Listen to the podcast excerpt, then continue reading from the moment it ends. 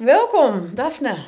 Ja, dankjewel. Ja, welkom in mijn podcast. Want ik vind het altijd een beetje gek om te zeggen welkom terwijl we in jouw prachtige pand hier zitten waar je me net even hebt uh, rondgeleid.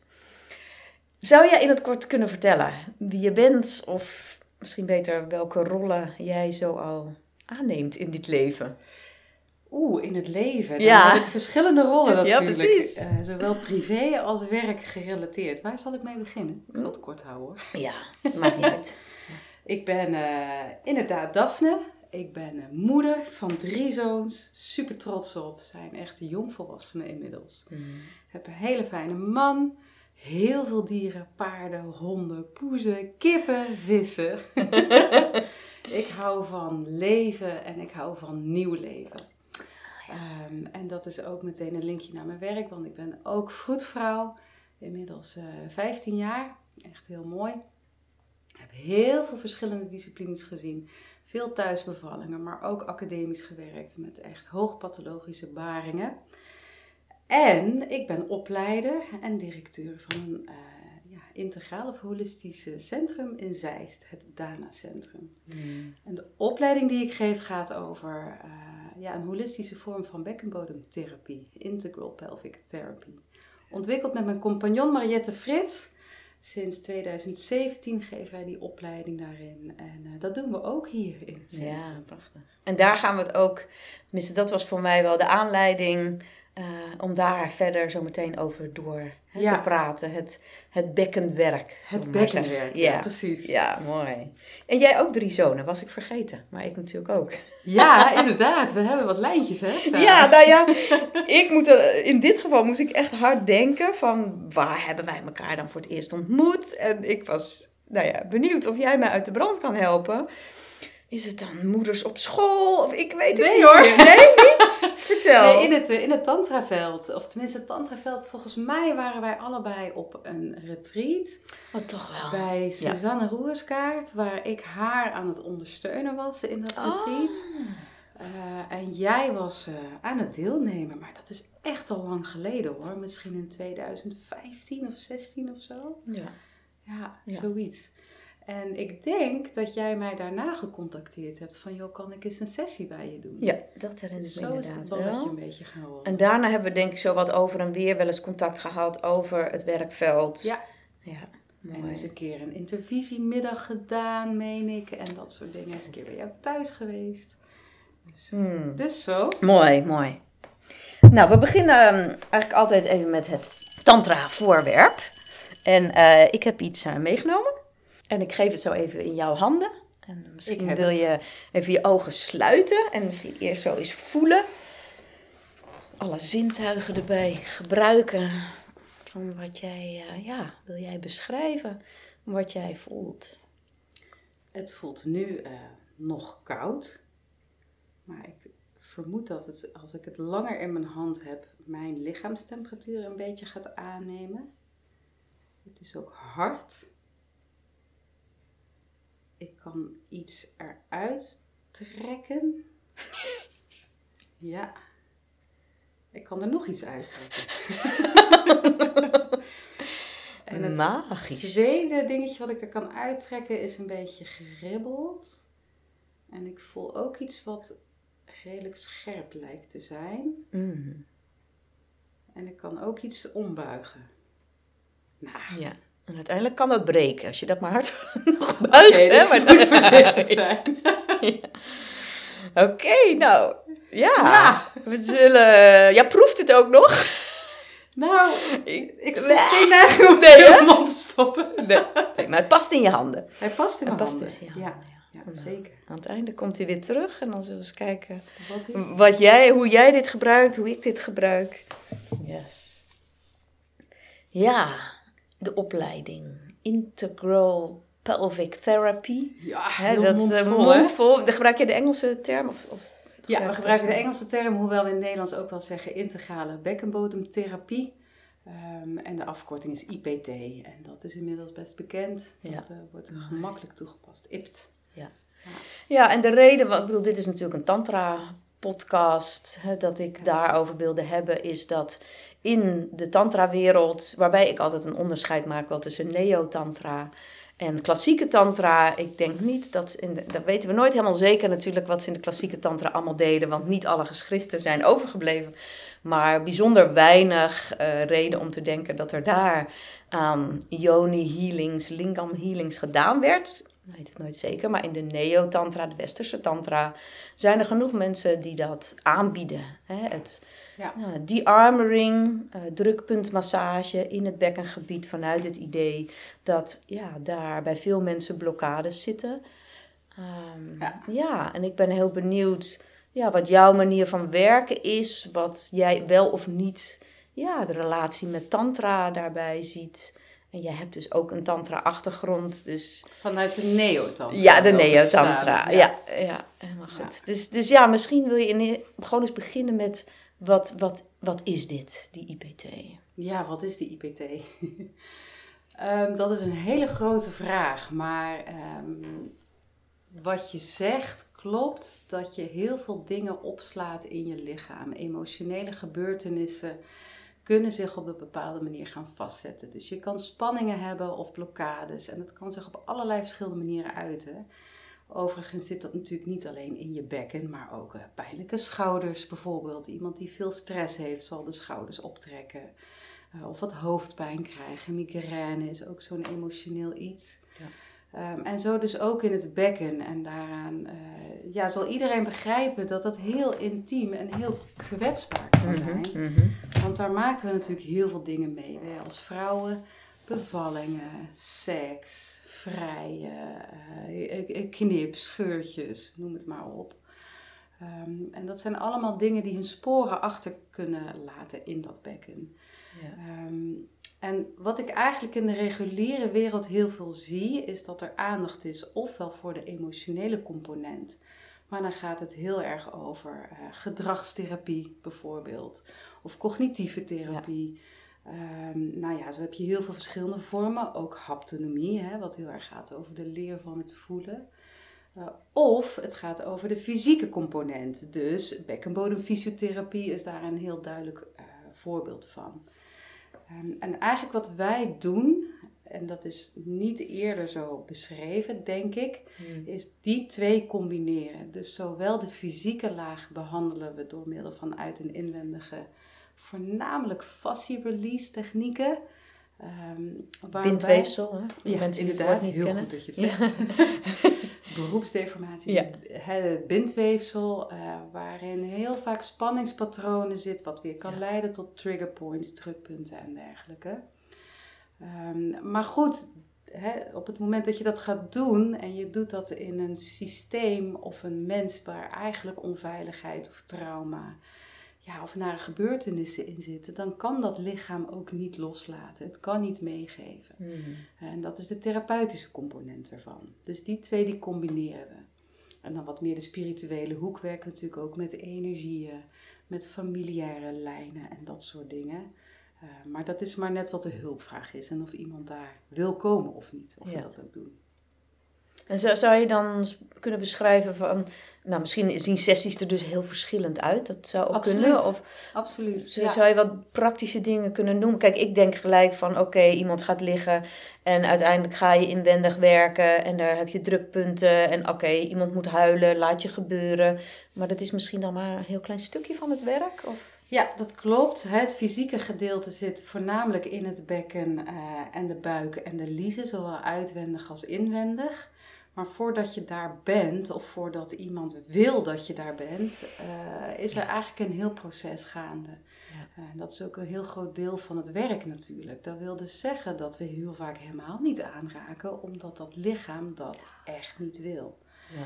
Ik heb wel eens een sessie gehad waarin ik ging kijken hoe dichtbij wil jij mij eigenlijk? En dat iemand mij echt buiten de deur zette. Mm. Zijn we dat gaan onderzoeken, maar wil je dan dat ik hier blijf staan? Och, ze zegt, ik vind het heel erg, maar eigenlijk wel. Ja. dus ik heb daar dan, hè, dan ga je heel erg dat onderzoeken. Um, en een van de belangrijkste pijlers daarin is uh, het embodied consent, gebaseerd op het will of consent, is jou natuurlijk wel bekend. En ik denk dat wij wat dat betreft een stapje verder gaan dan alleen het of consent, waarin we heel erg uitgaan van die gelijkwaardigheid, van een dynamiek van geven en ontvangen. Ehm, maar ook vragen aan het lijf van, hey, hey, zeg het maar als je er klaar voor bent. Ja. Dus het informed consent is het, wil je dit? Waarom doe ik dit? En hoe ga ik het doen? Mhm. Dat is het informed consent. Heb je daar een overeenstemming over? Dan kan het zijn dat dat lichaam denkt, ja, maar hier ben ik nog helemaal niet klaar voor. Ja, als je bij een gynaecoloog ligt of zo en die zegt van nou, ik ga nu een uitstrijkje, hè, want dan ga ik met het ene bek doen. Dus eh, nou, het lijkt me een goed idee. Hè? Nou ja, het is een goed idee, want ik wil weten of ik eh, Ja. eh, ziek ben of niet. Ehm, en dan heb je dus dat informed consent. Maar op het moment dat die gyne- gynaecoloog dat dan meteen doet, kan je echt zo'n schrikgevoel hebben in je lichaam. En dat je bekkenbodemspieren even samenspannen. Of dat je denkt, oeh, ik was nog niet helemaal klaar. Ehm, en dat is waar we heel erg mee werken vandaar. Het weten wanneer je lijf helemaal ontvankelijk is voor de aanraking. Dus de wens komt echt vanuit de cliënt zelf. Ja. Dat is de voorwaarde voor, voor IPT. En die sessies duren twee uur. Dat is heel anders dan een bekkenbodem fysiotherapeut. Ja. Er zijn onderdelen die hetzelfde zijn. Dus wij voelen ook naar spanningspatronen. Is er een te slappe bekkenbodem? Is er te veel spanning? Het kan zijn dat iemand komt met urineweginfecties of eh, urineverlies of een baarmoederverzakking. Nou ja, van allerlei, of pijnklachten en dat soort dingen.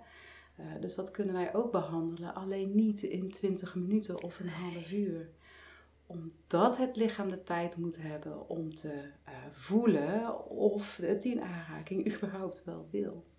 En, en de mensen die komen, hebben daar ook toegang toe? Want ik kan me ook voorstellen, en wat ik natuurlijk ook merk bij mensen die bij workshops komen, dit is echt zo'n heel langzaam proces. Hè? Van in het begin denk je, nou ja, ik denk dat ik wel alles wil of zo. En dan ga je dus subtieler leren voelen. Ja. En dan pas na een hele tijd denk je, hé, maar wacht eventjes, wat ik net voelde, dat was geloof ik eigenlijk een nee.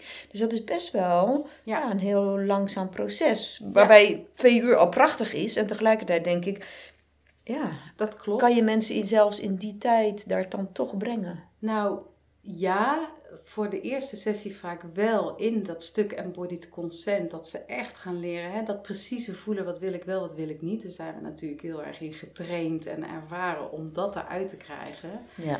Eh, en dat zie je vaak soms alleen al aan een, aan een, aan een oogopslag. Of eh, wimpers die even gaan knipperen. Of een hartslag die wat sneller klopt in de hals.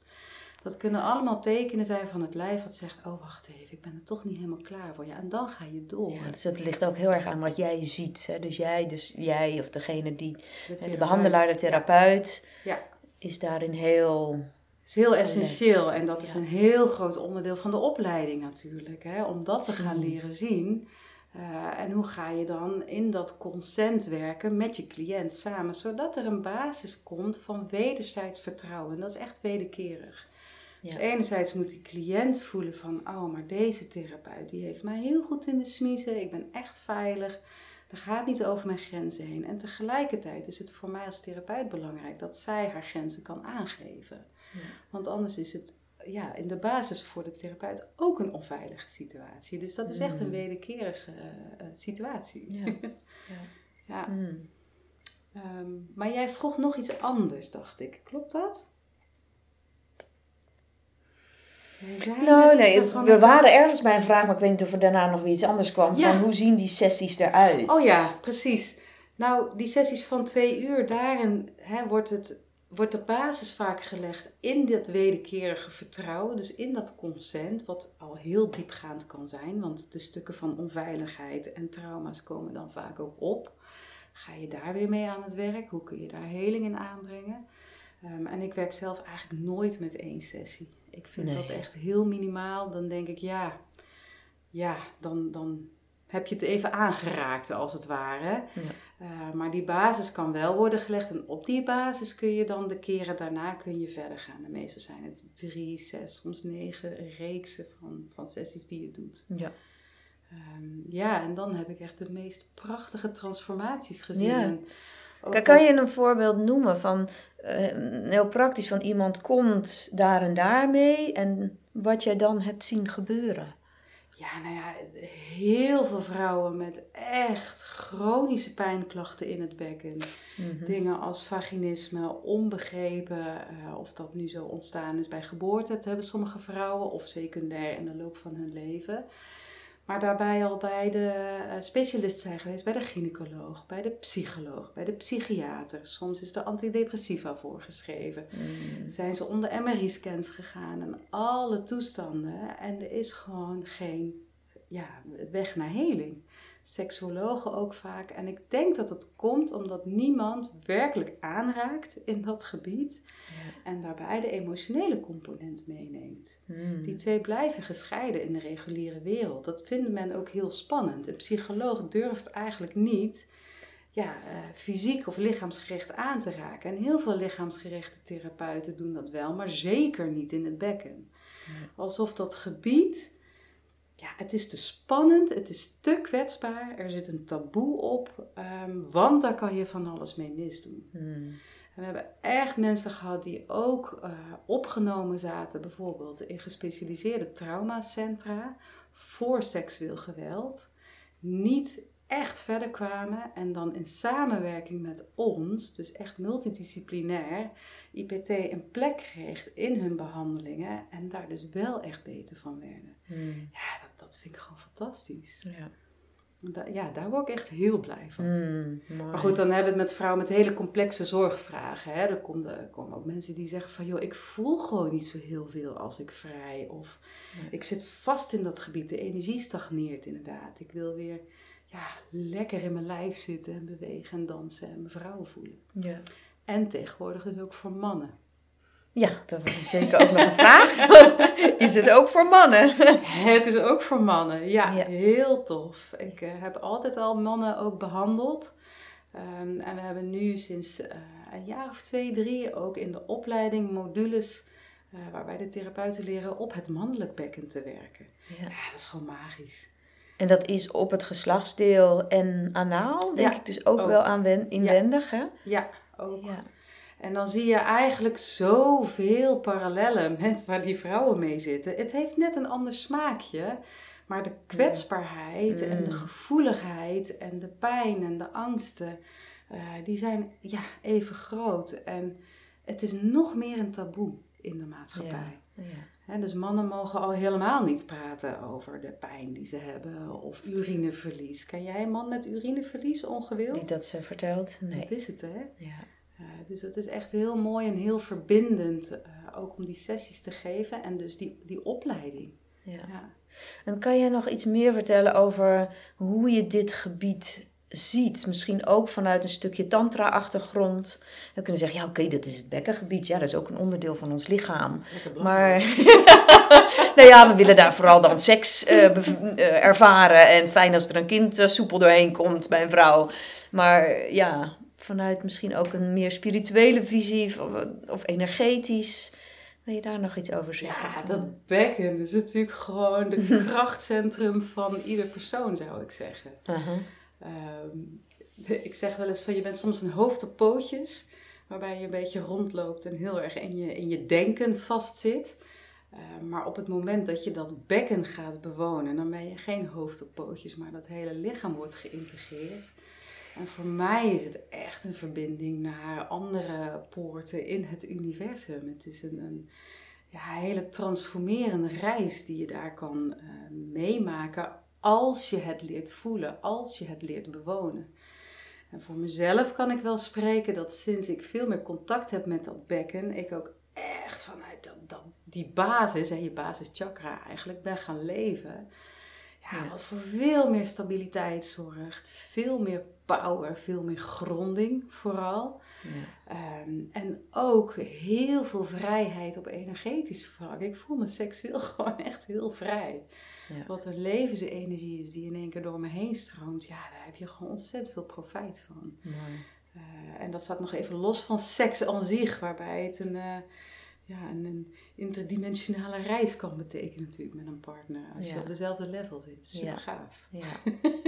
ja. ja, mooi. En zo kan je ook wel voelen dat je dat iedereen gunt ook. Hè? Absoluut. Om daarin in af te dalen. En het bijzondere is dus wel dat het lijkt alsof we met z'n allen soort van daar zo uit zijn getild, hè, ergens. Misschien, Ja, misschien zelfs bij een geboorte.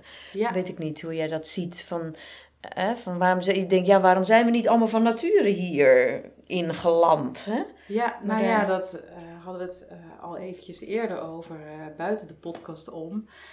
Als je kijkt bijvoorbeeld naar tantrische vrouwen die gaan bevallen, dan zie je toch echt wel dat die veel meer hun lichaam bewonen en veel meer thuis zijn in dat gebied van het bekken. Daar is een exploratie geweest, een onderzoek. Daar zijn ervaringen geweest eh, ja, die gewoon heel vormend zijn in het leven Ja. door het beoefenen van tantra. Ja, dat, dat, dat, dat uitzicht direct in de geboorte zelf. Hmm. En als je zegt van, goh, wat is dat nu in de maatschappij? Dat daar, eh, waarom gaan we nu uit dat lijf? denk ik, ja, maar kijk naar de hoeveelheid eh, ziekenhuisbevallingen, verdovingen, pijnstillingswensen. Ik heb daar op zich niks op tegen, maar het is wel een trend waarbij je steeds meer verwijdering ziet van vrouwen in dit geval. Van hun lichaam, waar dus een, ja, een, een, een medisch alternatief voor in de plaats komt. En Ja. dat is één van de redenen waarom ik dit ben gaan doen. Omdat ik werkte in het ziekenhuis en ja, ik zag alleen maar de vrouwen met een gecontraheerd bekken, vol in de angst en pijn. En dat ik dacht van ja, maar er moet toch een alternatief zijn? Ja. Hè, dan, dan was daar de hypnobirthing, maar dat is ook iets heel mentaals. Hmm. Ga je ook in je hoofd op een onbewoond eiland zitten? Ja, dan red je gewoon niet bij 8 centimeter ontsluiting. kan je dan denken dat je een hangmat moet, maar het doet gewoon zeer, weet je. En dan? Ja. Terwijl eh, als het je dan lukt om in de overgave te gaan, helemaal in dat lijf en die pijn te omarmen en niet meer te zien als pijn, maar als een poort naar een andere dimensie. Wat eigenlijk heel veel overeenkomsten heeft, vind ik, met een tantrische manier van, van seks. Ja. Eh, ja, dan heb je gewoon een streepje voor. Ja. is mijn ervaring. Dus dat dacht ik van, hé, hey, dat is gaaf. Dat, hè, in die tantra-hoek heb ik dit natuurlijk ontdekt. Die, dat hele de-arming. Door een eh, ons welbekende eh eh tantrisch guru met een niet zo smetloos verleden, zou ik maar zeggen. Eh, en in het begin dacht ik ook, eh, hij zei dat van ja, dan moet je heel hard drukken op allerlei pijnplekken in een vrouwenlijf en dan eh, gaat ze helemaal open. En ik was klinisch volkskundig. Ik dacht, nou, wat is dit nou weer voor onzin? Eh, ik heb zoveel bekkens gevoeld. Hier geloof ik echt helemaal niks van. Het slaat nergens op. Tot ik dus het verschil voelde met vrouwen die inderdaad dat soort sessies hadden ondergaan. Of ontvangen, hè, moet je Mhm, wel zeggen. En mhm. toen dacht ik, jeetje. Maar als je zo sensitief bent en zo in contact staat met je lijf, dan moet dat toch een positief effect op de bevalling hebben. Dat kan toch niet anders? ja. En toen ben ik dat gaan doen in het Mm. ziekenhuis. Mooi. Ja. Een mooie speeltuin. en eh, voor jou geldt net als voor mij dat je je kinderen hebt gekregen nadat je, of eh, voordat je met tantra in Ja. aanraking kwam. We hadden het net, die op de trap noemde jij nog even zo van, ik had nog wel een kind gewild. Ik had Ik een nou, kind gewild. Ik, had, ik, had, ik had nog graag een tantrische bevalling willen meemaken. Want Ja. ja. toen ik mijn kinderen kreeg, was ik daar nog helemaal niet mee bezig. En ook nog helemaal niet geland. En later heb ik nog wel eens gedacht, ik ben helemaal blij dat het ook niet meer gebeurd is hoor. Maar dat had ik nog wel willen meemaken. Of überhaupt eigenlijk de hele zwangerschap. Om dan ja, veel meer daarmee in mijn lijf te zijn en te kijken. Bewust, ja. Ja, en niet, niet per se denkende dat alles dan makkelijker gaat, maar wel bewuster. En ik zou heel nieuwsgierig zijn geweest. ja hè, dat kan ik me heel goed voorstellen. Ja. Dat je Ja. bijna nog een keer zou doen daarom. Hadden we gewild. We zijn te oud, Wendy, het kan niet meer. Nee, en dat is ook helemaal goed. ja. Ja, misschien kunnen we nog iets meer hebben over. Jij noemde al wat linken met Tantra. Hè, want en, en ik zei aan het begin van de podcast, ja, het, het, eh, de yoni healings, lingam, anale healings gebeuren ook hier en daar eh, in de tantra-wereld. Ja, Voor veel mensen denk ik zonder ehm, het medische aspect wat jij dus wel ook erin combineert. ja. Hè, dus ik denk dat het dan ja, meer intuïtief is. Ik heb zelf die sessies ook een tijd gegeven. Ja. Ehm, ja, ik wil wel jouw eerlijke mening hierover. Van, ja. Ja. wat, wat is daar dan wel ook goed aan? En waar zitten misschien ook vraagtekens of risico's? Ja, mijn eerlijke mening. Ik denk eh, dat het heel gevaarlijk is als je dit doet zonder dat je weet wat je aan het doen bent. Ehm, en dat heb ik heel veel gezien ook in het veld. Ik heb ook heel veel opleidingen en trainingen gevolgd. Waarbij ik er iedere keer weer achter kwam dat ik dacht van ja, maar die mensen weten zelf eigenlijk niet zo goed wat waar zit en hoe het systeem überhaupt werkt.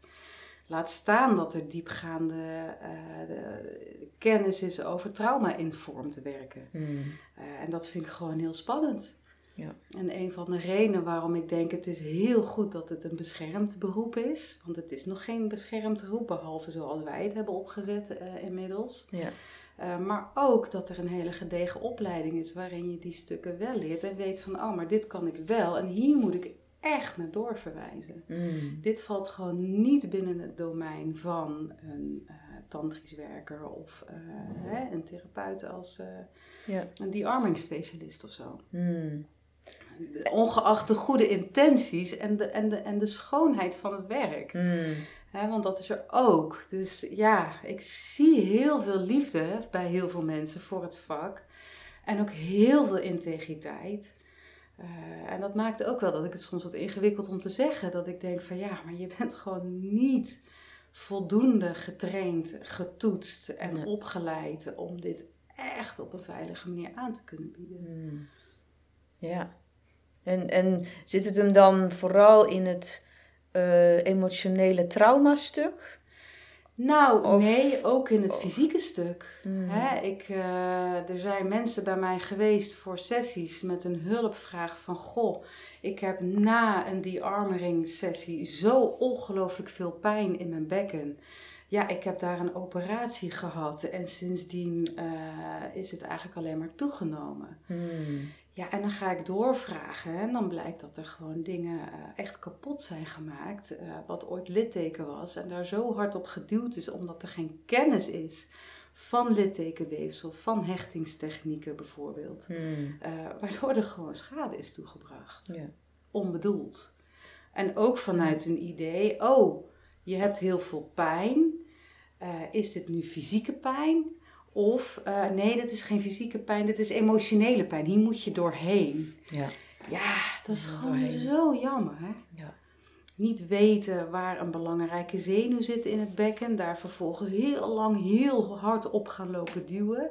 Met als gevolg dat er dan schade aan die zenuw is ontstaan. Ja. De sciatic nerve bijvoorbeeld. Denk ik, ja, dat moet je gewoon niet doen, dat soort dingen. Nee. Dus dan zie ik uh, hier. Dus dan hoor jij toch wel, want, want ik ken het vooral als een hele zachte manier van aanraking. Ja. Maar jij hoort dus ook wel van dat het heel stevig wordt gedaan. Zeker. Hmm. Zeker. Ja. Hè, en ja, dat is gewoon jammer en dat is zonde. En ik denk dat dat niet zou moeten. Nee. Um, en dat vind ik ook wel eens ingewikkeld aan workshop settings waarin dat gebeurt. Zeker als het vanuit een intentie is dat het een bepaalde vorm van therapeutisch effect zou moeten hebben. Ja. ik denk, joh, als je het doet als een manier van een soort sensuele massage of zo, dan is de insteek wat anders. Maar uh, het heeft vaak toch een therapeutische lading. Mm Dan denk ik, ja, en hoeverre is de ander, die ook niet getraind is om dat op te vangen, in staat om uh, dat te dragen? Ja. Ehm, en ook daar weet ik echt wel van mensen die daar echt schade van hebben ondervonden. Mm. En niet alleen in een workshop setting, maar ook in één op één sessies. Simpelweg omdat uh, de, het draagvlak niet groot genoeg was. Door te weinig ja, opleiding en ook intervisiemomenten. Ja. ja, ik kan me nog wel een derde ehm, vorm voorstellen. Um, zoals ik het zelf ook altijd wel gezien heb, is eigenlijk met heel veel liefde en aandacht en zonder uh, doelgerichtheid uh, in dit gebied aangeraakt mogen worden. Absoluut. Ja. dus dat is nog wel een vorm waar ik me dan wel zeg maar goed bij voel. Dus niet zozeer therapeutisch op zoek, uh, maar wel van hé, hey, mag ik een keer hier aangeraakt worden zonder dat het ergens naartoe moet. En dat is wel voor veel mensen ja, dat is heel nieuw. Van wow, en nu hoeft er niks. En misschien hoef ik alleen maar een hand daar. En ik hoef helemaal niks. En ik mag hier helemaal in ontspannen. Ja, dat klopt. En dat is ook heel onbekend. Want vaak is iets medisch in dat gebied of seksueel. En dat daar gewoon een neutraal midden kan zijn. Ja, ja dat is een wereld die dan open gaat voor mensen. En dat men denkt, hè, is dat überhaupt mogelijk? Ehm, en dat zie ik eigenlijk nog wel meer bij mannen. Ja. Heel interessant, want ook daar, ja, je piemel, daar moet je wat mee. Ja. Of Ja. het is heel spannend, want dan lig je bij de dokter. Ja. Ja. Ja, dus daarin kom je ook vaak echt een hele jonge kindstukken, heel kwetsbaar. Mm. Eh, Heel bijzonder en ja, ik voel me ook altijd heel nederig om daarbij te mogen zijn. Ja. ja, dat herken ik wel. Ja, mooi. dat begrijp ik. Ja. En ehm, maakt het voor jou nog uit of een, ehm, een behandelaar, therapeut man of vrouw is? Bijvoorbeeld in het werken met een vrouw? Wij leiden mannen op om Mhm. te werken met vrouwen. Dus eh, dat is ook nieuw. Dat doen we sinds een aantal jaar. Ja. Ehm, en maakt dat uit? Ja, natuurlijk maakt dat uit. Mhm. Dat maakt heel veel uit. Dat brengt er alweer andere dynamieken mee dan wanneer het iemand is van dezelfde gender. Ehm, en dat kan potentieel heel ingewikkeld zijn, eh, maar dat kan ook heel veel heling geven. En wij zijn dat gaan doen omdat de, de vraag op een gegeven moment echt best wel groot werd van de cliënten zelf. Eh, van joh, hebben jullie ook mannelijke behandelaars? Want eh, er zijn bepaalde stukken waar ik aan wil werken en het voelt alsof dat heel Mm. passend is als ik dat met een man doe. Maar dat is een enorme uitdaging om mannen natuurlijk te trainen erin. Want wat belangrijk is, is dat je volstrekt neutraal bent Ja. als therapeut zijnde. En dat is natuurlijk in ieder veld zo. Dat is ook zo als je gynaecoloog bent. dan moet je ook helemaal neutraal zijn. Dus in wezen is dat niet anders. Ehm, maar je ziet toch wel wat andere projecties van vrouwen op mannen en vice versa. Wat heel logisch is. Ehm, maar het, ja, ook Vanuit de heteroseksuele mens geredeneerd. Absoluut, ja. Ja. Nou ja, en dat vind ik ook altijd wel een interessante. Want alsof die projecties niet zouden kunnen ontstaan tussen mensen van dezelfde sekse. Ja. Ik heb ook eh, cliënten, vrouwelijke cliënten gehad die eh, seksuele gevoelens kregen op mij of verliefdheidsgevoelens en dat soort dingen. Ja. Dus in wezen is daar niets anders. Net zoals je ook moederprojecties kan krijgen en zo. Ehm, en is dat eigenlijk heel mooi materiaal juist om mee te werken.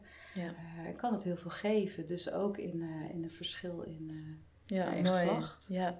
En belangrijk natuurlijk als professional dat je een, een, een plek hebt hè, om, om intervisie, ja, om te, ja, dingen rondom overdracht, zoals we het dan noemen, te onderzoeken.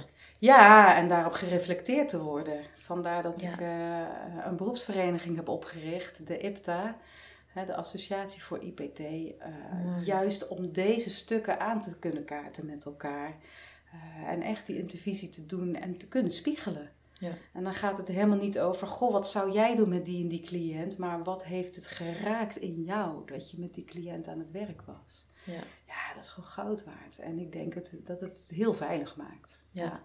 Ja, ik zit nog steeds zo even te denken, zo die vergelijking met een gynaecoloog. Ik wou net zeggen eigenlijk van, ja, als gynaecoloog ga je bijna geen emotionele band aan, zou ik denken, met een cliënt. Omdat je het een soort van, ja, medisch houdt. En ik zou me kunnen voorstellen, zeker ook als de sessies langer duren bij jullie, ehm, dat, daar, dat daar meer emotionele band ontstaat. En tegelijkertijd dacht ik ook, nou ja, mensen zullen vast ook wel verliefd worden op dokters en dokters op patiënten. Dus wat hij al maakt het iets uit, geen idee. Nou ja, en in die zin is een zwangerschap en als je dat begeleidt in een heel traject natuurlijk eh, ook nogal een intense levenservaring. Dus ja, ik weet niet of er veel verschil in zit. Nee. Het idee is wel dat je in de reguliere zorg een bepaalde professionele afstand bewaart. Ja. En eh, dat doen wij ook. Hè, ik ben geen vriendinnen met mijn cliënten. Ik ga daar geen koffie appen. mee drinken. Of, eh, nee, dat doe je niet.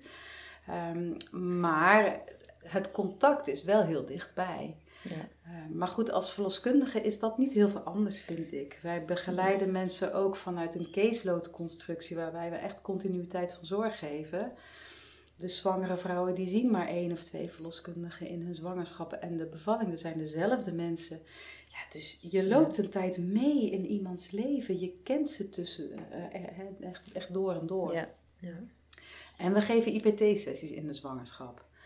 Dus dat is uh, ja, ook nog eens een, een extra verdiepingsslag uh, waarin je elkaar wel heel goed leert kennen. Mm, mm. Uh, dus ja. Ja. Mooi hè? Mm, ja, prachtig. Is, is er nog iets anders van de, met de link met Tantra waar jij nog iets over zou willen zeggen? En we hebben het natuurlijk gehad over consent. Hè? Iets waar de laatste jaren natuurlijk in Tantra ook heel veel aandacht gelukkig voor is gekomen. Goddank. Ja, ja dat was, uh, ik denk, uh, toen ik daar net mee begon. Nee, nee niet zo. was dezelfde tijd denk ik voor ons, hè? Was echt een stuk zo. minder. Ja, dat was. Uh, We hebben tegen, stap er maar in en uh, Je deed je deed maar wat.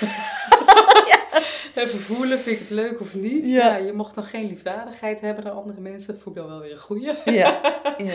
Geen eh, dingen doen waar je niet achter stond of zo. Maar het was niet, er was niet zoveel bewustzijn op. Nee, het was minder subtiel. Het ik zie minder nu wel, ook in mijn eigen groepen, maar ook bij anderen, dat het meer naar de subtiliteit gaat. Ja. Meer mogen voelen. Ja. En er is natuurlijk ook veel meer bekend geworden de laatste jaren over trauma. Ja, En dat is zeker ook de tantra-wereld binnengekomen bij een heel groot deel van de mensen. ja dat is echt heel fijn en heel mooi, denk ik. Ja. Ja, dus er is heel veel op, op, op gebaseerd en geïnspireerd. En tegelijkertijd denk ik dat we het met IPT ook echt door hebben geëvolueerd naar een therapeutische vorm. eh. Waarbij dat. ehm, ja, wat is het doel? Hè? Ik zag dat in Tantra het toch heel erg gaat over seksuele energie, het opwekken van seksuele energie, het vrijmaken van levensstromen, Kundalini wat moet gaan eh, bewegen en daar ook best wel op gestuurd kan worden tijdens die armoringssessies. Hmm. Ja, dat is absoluut niet waar wij mee bezig zijn. Nee. Nee. Dus dat is het grote verschil naast de verfijndheid, denk ik, en de therapeutische vaardigheden van het werk aan zich. Ja. Hebben wij ja, eigenlijk nul doel. Behalve eh, kijken van, goh, iemand heeft een hulpvraag. Dat is ook vaak niet zo in de tantra-wereld. Wat is je hulpvraag? Huh? Heb ik een hulpvraag? Ehm, en gaan kijken, kunnen we je begeleiden in die hulpvraag eh, en je, een stukje met je meelopen in dat pad daarin. Ja.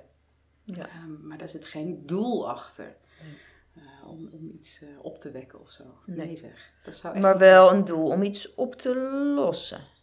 Nou ja, afhankelijk van de hulpvraag inderdaad, ga je kijken wat kan, eh, kunnen wij doen voor jou om jou te helpen met die hulpvraag. Ja. Ehm, maar het is niet zo, hè, als iemand zegt van, oh ik heb pijn bij het vrijen, eh, oh dan heb je gespannen bekkenbodem, dus dan ga ik inwendig masseren of Nee. zo. Nee, dan ga je echt integraal kijken naar een heel compleet beeld van, oké, maar wat is er in jouw leven aan de hand waarop dat een effect zou kunnen hebben? Ja, ja. Ehm, dus dat is toch Mooi. Ik, ik zie toch ook wel een link met de twee vormen van tantra, zoals ik die dan wel onderscheid. Vandaar waar het in de neo-tantra is er veel gericht op het vergroten van plezier. Ehm, en, en het vergroten van de stroming en fijnere seks kunnen hebben. Ja, Terwijl de klassieke tantra in feite alles omarmt wat is. ja, ja, dat is echt Ja, en- heel mooi. Ja, En de, dat wil niet zeggen dat als je pijn in je bekken hebt, dat je dan alleen maar op je meditatiekussentje gaat zitten en ja, bent met de pijn en dat altijd zo laat. En natuurlijk kun je ook daar voelen van, hé, hey, maar ik voel wel dat ik, dat ik hier een dokter of een, een, iemand voor mag gaan bezoeken. ja, welke stappen kan ik nemen? Precies, dus dat zit er natuurlijk nog steeds achter. Ja, Uh, maar tegelijkertijd is de, de onderliggende drive is wel echt heel anders in de klassieke tantra. is veel meer de weg naar binnen ja. en het onderzoek. En, ehm, ja, prachtig. Ik denk dat dat een les is die ik voornamelijk heb geleerd in mijn werk eh, als verloskundige. hmm, Als je kijkt naar zo'n waring waarin echt alles omhoog komt, je diepste pijn en angsten. Je moet gewoon door de modder heen. ja. En op een bepaalde manier, op een bepaald moment bereid zijn om te sterven, denk Ja, ik. ja. Ehm, dat kan niet als je daarvan weggaat. Nee. Het enige wat je kan doen is zitten en het omarmen. En niet te veel gehecht te raken aan het verhaal eromheen. Ja, ja, dat is op een top tantra Ja, precies. dat is wat ik er altijd heel intrigerend aan Ja. heb gevonden. Ja, Ehm, Ja. ja. mooi hè? ja in, een, in een volgend leven doe mij maar verloskundige. Dat heb ik echt al vaak gedacht. Oh, wat mooi. Ja. ja. En de slapeloze nachten. Dat was, dat was wat mij lang, zeg maar, eh, dat heeft mij, de, nou ja, ik had sowieso een ander pad te gaan, denk ik. Maar dat was inderdaad, dat ik dacht, oei, de combinatie met een gezin lijkt mij... Uh, ik moet zeggen, op dit punt in mijn leven, als ik niet het werk had wat ik had... Um, zou ik dat een heel eind kunnen. Maar met een gezin... Um, met kleine kinderen is, is dat echt wel heel zwaar. Ja. Ik heb het allemaal gedaan hoor, met een baby knap, aan de borst. Oh my god. hmm. Ik had nog een vraag. En um, nou, ergens vermoed ik een antwoord. Maar stel dat mensen die in een relatie zitten... Hè, en die raken elkaar aan in dit gebied en de geslachtsdelen... Uh, nou, zoals ik begrijp, zonder opleiding heb jij liever niet Niet doen mensen.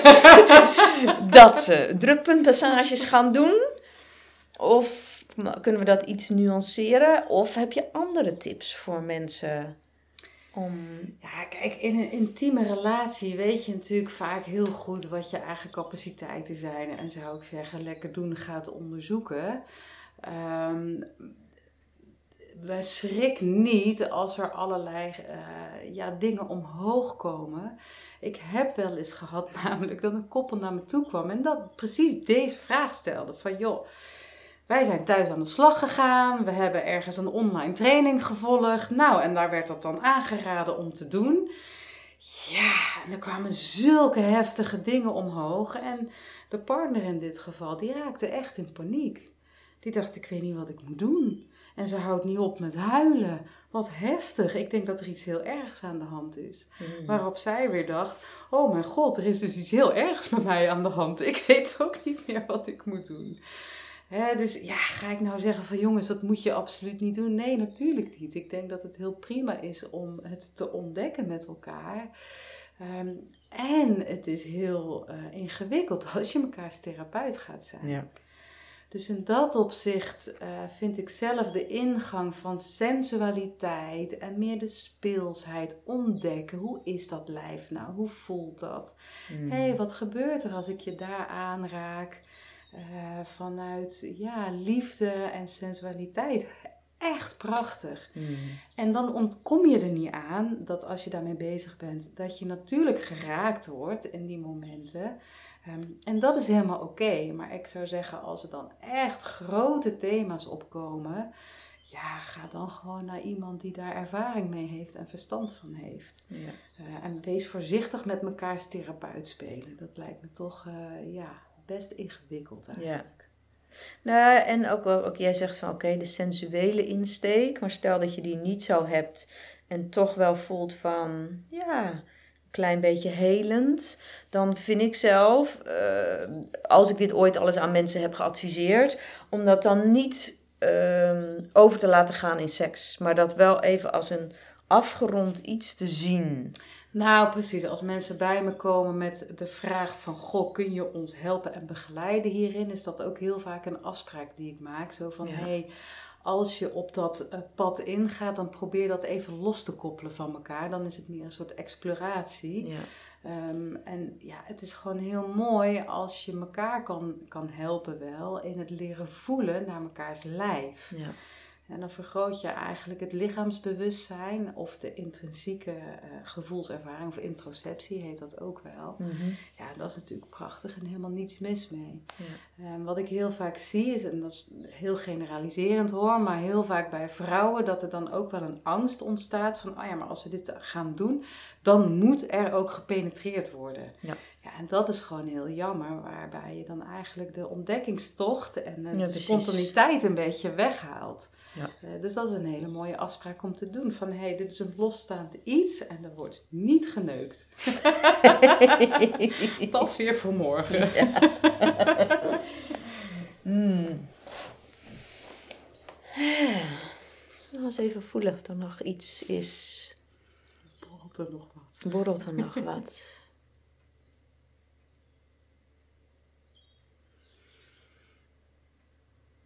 Ja.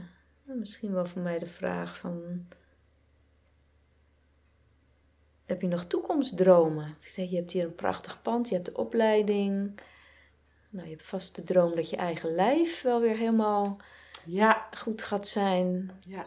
Wil je dan ook weer verloskundige werk doen? Of? Oh, ik hou van mijn vak. Ja, ik heb ehm, ehm, wat blijkt ligamenten in mijn bekken zitten die overstretched zijn door eh, grote baby's, snelle bevallingen Mm. en eh, hypermobiliteit, eh, waardoor ik eigenlijk een beetje bekken instabiel ben zonder zwanger te zijn. Heel stom. Ehm, en het zou heel mooi zijn als daar wat heling komt. En nou, dat gaat ook gebeuren. Ik zit in een prachtig proces. En ik heb wel het verlangen om dan eh, af en toe weer eens baringen te mogen begeleiden. Want er is Mm. niets anders wat me zo doet leven als dat Ja. moment. Het is zo magisch en mooi. Ja. Eh, maar mijn toekomstdroom, ja, ik zou willen dat eh, de caseload-verloskunde, de manier zoals wij dat doen, echt een stevige plaats krijgt in de maatschappij. Ik vind het zo jammer dat er met zoveel productiewerk eigenlijk, eh, ja, dat dat de norm is. Je moet heel veel bevallingen begeleiden om een beetje je hoofd boven water te houden als verloskundige. Dat is echt shit. Ehm, dat doen wij niet, waardoor we een eigen bijdrage vragen. Maar dat maakt het hele ja, expliciete zorg. En dat vind ik gewoon, eh, daar baal ik van. Ja. Eh, dus dat is echt een toekomstdroom en een beeld wat ik heb. En ik zou het ook heel mooi vinden dat een, een IPT wat dat betreft ook echt een plek krijgt in de reguliere zorg. Wel als een complementaire behandelmethode, dus het vervangt geen bekkenbodemtherapie, het is echt aanvullend daaraan. Eh, maar dat dat ook toegankelijk is eigenlijk voor eh, ja, Hmm. iedereen die dat wil. En net zo normaal als de haptonoom of de osteopaat of de chiropractor. Ja. En wat is daar nog voor nodig? Oeh, nou, sowieso. ja, wij zijn natuurlijk enorme stappen aan het zetten. Hè? We willen graag het werk eh, wat meer wetenschappelijk onderbouwd zien. Dus we zijn bezig met eh, implementatie van eh, vragenlijsten waarbij je een bepaalde mate van effectiviteit kan meten. Ik denk op termijn heel mooi als daar een promotieonderzoek Ja. naar komt.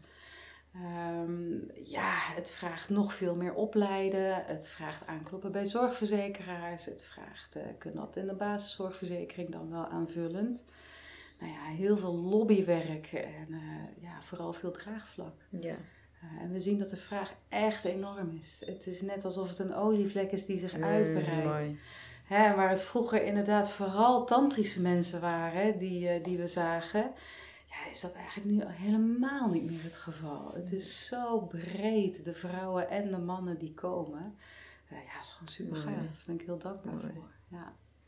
Ja. En ja, het heet Integral Pelvic Therapy, omdat het een, eh, het heeft een Engelse naam. Dus het is ook, denk ik, heel tof om dit uiteindelijk internationaal uit te gaan Mm. zetten.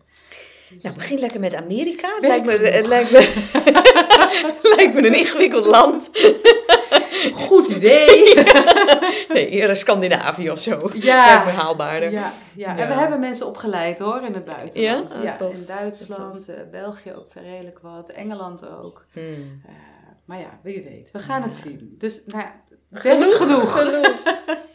Ja, dus ja, bij deze, als er mensen zijn die denken, oh, dat moet je doen. En eh, ja, ik ben altijd op zoek naar, om Ja. het meer uit te dragen. En eh, ja, toch een Mooi. brede draagvlakken creëren. Ja, en ik denk wel dat de, de tantra-wereld een mooie ja, ingang is. Of Ja. mensen in de tantra-wereld hier heel makkelijk voor openstaan. Ja. Ehm, dus dat die stap voor veel mensen niet zo groot is. Nou ja, en dat is ook wel het mooie hè, vanuit de tantra-wereld. ehm, of eigenlijk intiem lichaamswerk wordt vaak nog gezien als sekswerk natuurlijk. Eh, en dat hebben wij met IPT eh, kunnen legaliseren, dat dat niet zo is. Eh, Ja. en daar ben ik echt wel heel blij mee. Ja, dat is echt mooi. Dat geeft zoveel basis en bedding voor zowel de therapeut, maar zeker ook voor de cliënten die komen. Ja. Met de normale klachten- en geschillenregeling en dat soort dingen. Gewoon datgene wat nodig is om te werken als therapeut. Eh, dus dat, eh, ja, dat mag nog veel breder worden uitgedragen. Mooi. hey, ehm, het tantra-voorwerp. Om mee af te sluiten. Ja! Mag ik het Wat nou het? gewoon zeggen? Ja, nu mag je het gewoon zeggen. Het is een nagelknipper. Ja, Ja, je kan het inderdaad dus openvouwen. Er zitten twee klepjes aan. Je kan je nagels ermee veilen en je kan je nagels ja knippen. want, hoe belangrijk zijn eh, korte nagels in het Maar je werk? kan zien dat ik... ja, het valt mee, hè, nu. Ja, die van mij zijn korter. Eh, heel belangrijk. Wij eh, houden onze nagels kort, want er kunnen allerlei eh, bacteriën en germs onder zitten. En ja, ik ben natuurlijk opgeleid als medische zorgprofessional, waarin we zeer gedrild zijn. Het kort houden van die nagels, het schoonhouden van de nagels. Mochten ook geen ringen aan. We- Hoewel je wel handschoenen gebruikt, neem ik aan, bij inwendig onderzoek. Klopt. En er wordt dan gezegd dat dat nog steeds een risicofactor is. Ook al heb je handschoenen aan en je hebt vieze, vieze nagels. Eh, net als nagellak, waar ook allerlei bacteriën onder kunnen gaan zitten. Dat is echt een Mm. no-go. Ja, de interessant. nepnagels lijkt me ook geen eh, verstandig idee. Ik heb ooit eens een, een docente gehad, een, eh, een inwendig werker, zeg maar, die hele lange nagels had. En die beweerde, nee, maar ik ben zo ervaren, ik kan dat zonder vrouwen pijn te doen. Ja. Nou ja, goed, ja, ik kan me er iets bij voorstellen dat je ze alleen maar met, met dat topje van je zo, die, die vinger zo drukt en zo. En die nagel die gaat dan een andere kant op. Maar goed. ja. ik krijg er toch hele Nee. andere ideeën. Nee, Goed, maar dus eh, jij gebruikt dus het nagelknippertje. En ehm, op het moment dat er bij mij aan de-armoring gedaan wordt, buitenkant van het lichaam, ook belangrijk Ja, dat de nagels kort zijn. En toen ik nog sessies gaf. eh, ja en Ja. zeker ook omdat je kan drukken hè, met die nagels inderdaad eh, Ja. in het lichaam. Ja, het doet gewoon zeer. Ja. Zielig. ja. Ook bij de mannen. By the Ook bij Nog gevoeliger bijna. ja. Absoluut. Ja. Nou, in de show notes onder de podcast eh, zal alle informatie over jouw eh, bedrijf staan en over je opleiding. Nog een eigen podcast heb je ook, hè? Ja, die, dat is dan weer een, weer een, Weer een ander verhaal, hè? Dus die, Ja. die kunnen we er ook bij zetten als je dat leuk vindt. Ja, het is dat is altijd wel leuk, leuk ja. om dat te linken. Ja, helemaal goed. Ja. Echt de moeite waard om naar te luisteren, hoor ik van heel veel mensen. Mooi. Dus zeker doen. Yes. Dankjewel, Nou, dank- Wendy. Yes, dankjewel. Ik vond het Leuk. heel eh, mooi en leerzaam gesprek.